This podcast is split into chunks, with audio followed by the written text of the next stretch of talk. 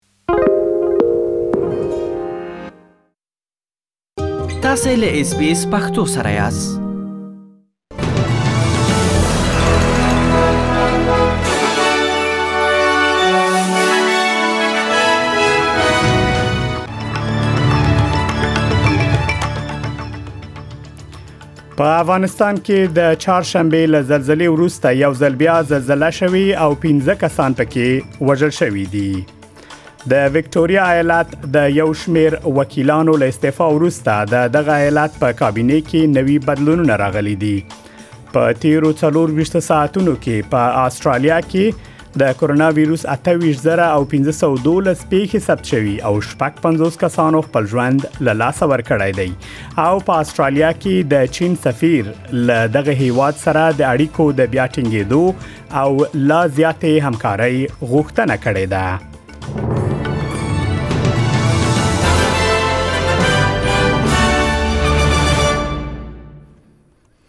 اوس هم پام وکړئ بشپړ خبرونو ته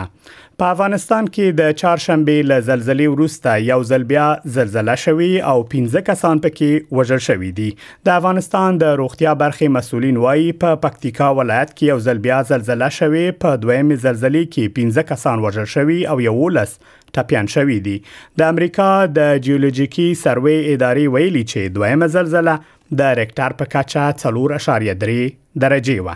ملګری ملتونه وایي په افغانستان کې د وروستیو زلزلو لامل د وژل شویو کسانو شمیر 1014 ته رسیدلی دی د چهارشنبه د خونړۍ زلزلې لامل په پکتیا، پکتیکا، خوست او یو شمیر نور ولایتونو کې د خلکو کورونه ویجاړ شوي او مالی زیانونه هم وروختي دي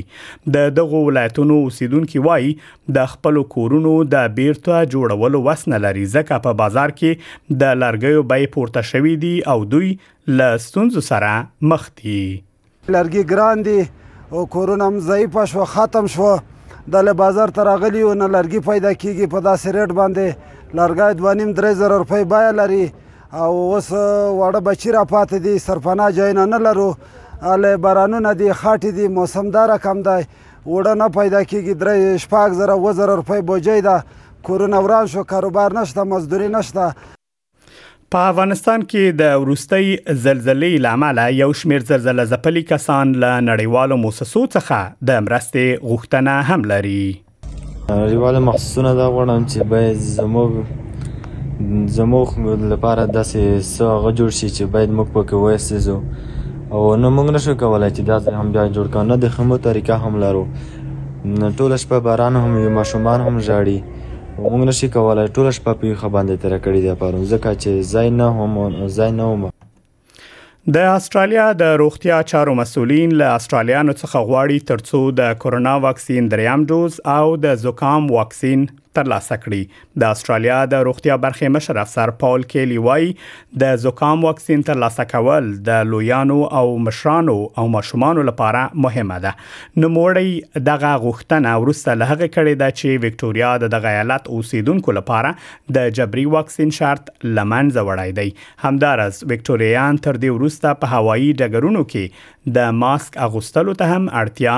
نه لري استرالیا هیواد کې په انفلوئنزا د اخته کسانو شمیرې د لوړېدو په حال کې دي له همدې امله د استرالیا په ایالتونو کې د وړیا واکسین ترلاسه کولو اعلان شوی دی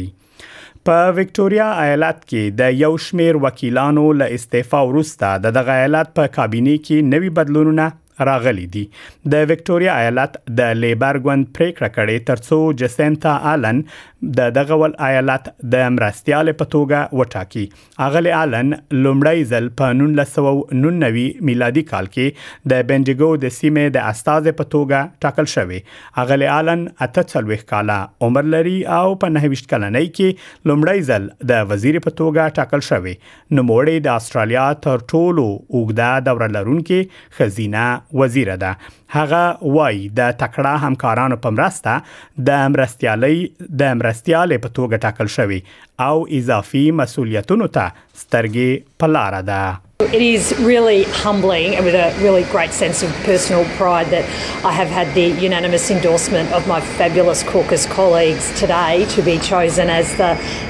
uh, deputy leader of the Parliamentary Labor Party and therefore um, have the honour to step into the role as deputy premier.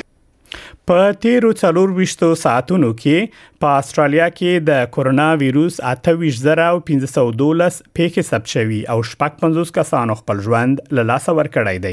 په نیو ساوث ویلز ایالت کې شاوخوا 8000 نوي پیښې ثبت شوي چې د استرالیا د نورو ایالتونو په پرتله لوړې دي مګر په تیرو 24 ساعتونو کې په وکټوريا ایالت کې تر ټولو زیات کسان د کورونا وایروس لامل مړ شوي دي د استرالیا په روغتونونو کې اوس مهال 3040 کسان بستري دي او 102 کسان وضعیت د اندېښنې وړ بلل شوی دی په استرالیا کې د چین سفیر د کارګر ګوند له وخت رسیدلو وروسته په خپل لومړنۍ وینا کې د اړیکو د بیا ټینګېدو او لا زیات همکارۍ غوښتنه کړې ده د چین د سفیر د خبر پر مهال یو شمېر کسانو لاریون کړی او دغه هیواد یې د بشر د حقوقو په سرغړونو تورن کړی دی د استرالیا او چین ترمنځ د خرابو اړیکو منلو سره سره هغه وایي چې د استرالیا په وړاندې د بیجینګ د دوستانه پالیسی تر اوسه نه ده بدله شوې هغه زیاتوي چې ورستیو کلونو کې به لشکه چې د دواړو هیوادونو ترمنځ اړیکې یو ستونزمنه دوره کې وي The recent years of our relationship has been a difficult period undeniably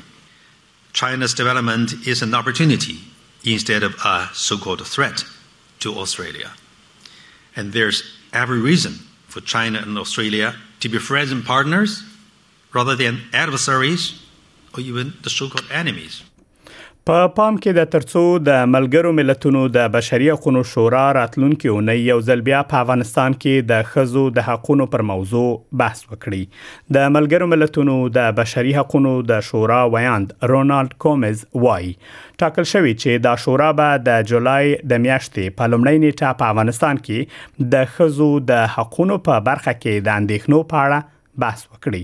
نو موړي خبريالانو ته په خبرو کې ویلي چې دا غونډه د فرانسې او اروپאי ټولنې د وړاندیز پر اساس جوړیږي د فرانسې او اروپאי ټولنې سفیرانو د ملګرو ملتونو د بشري حقوقو شورا ته په یو مکتوب کې لیکلي چې د افغانستان خزو او جنو پر حقوقو د محدودیتونو د زیاتېدو له کبله اندېښمن دي په مکتوب کې په افغانستان کې د خزو لپاره د کار او تګ راتګ د محدودیتونو یادونه هم شوې ده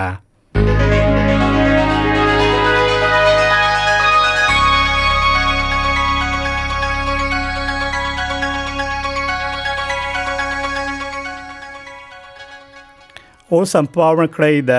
هوا حالات ته په سیدنی کې ډیره لمر د تودوخې لوړه درجه 20 په ملبون کې نیمه ورځ د تودوخې لوړه درجه 14 په برزبن کې ډیری لمر د تودوخې لوړه درجه 22 په اډلیډ کې باران د تودوخې لوړه درجه 14 په داروین کې ډیری لمر د تودوخې لوړه درجه 22 په کانبرا کې نیمه ورځ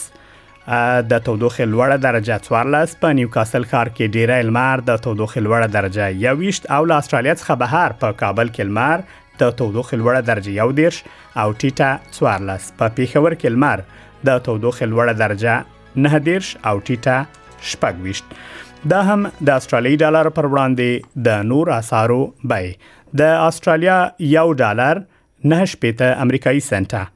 د استرالیا یو ډالر شپږ شپېته یورو سنټه او و پنځوس بریټانوي پنسه د استرالیا یو ډالر څلور پنځوس هندیو کلدارو او یو سلو څلور څلوېښت پاکستانیو کلدارو سره برابرېږي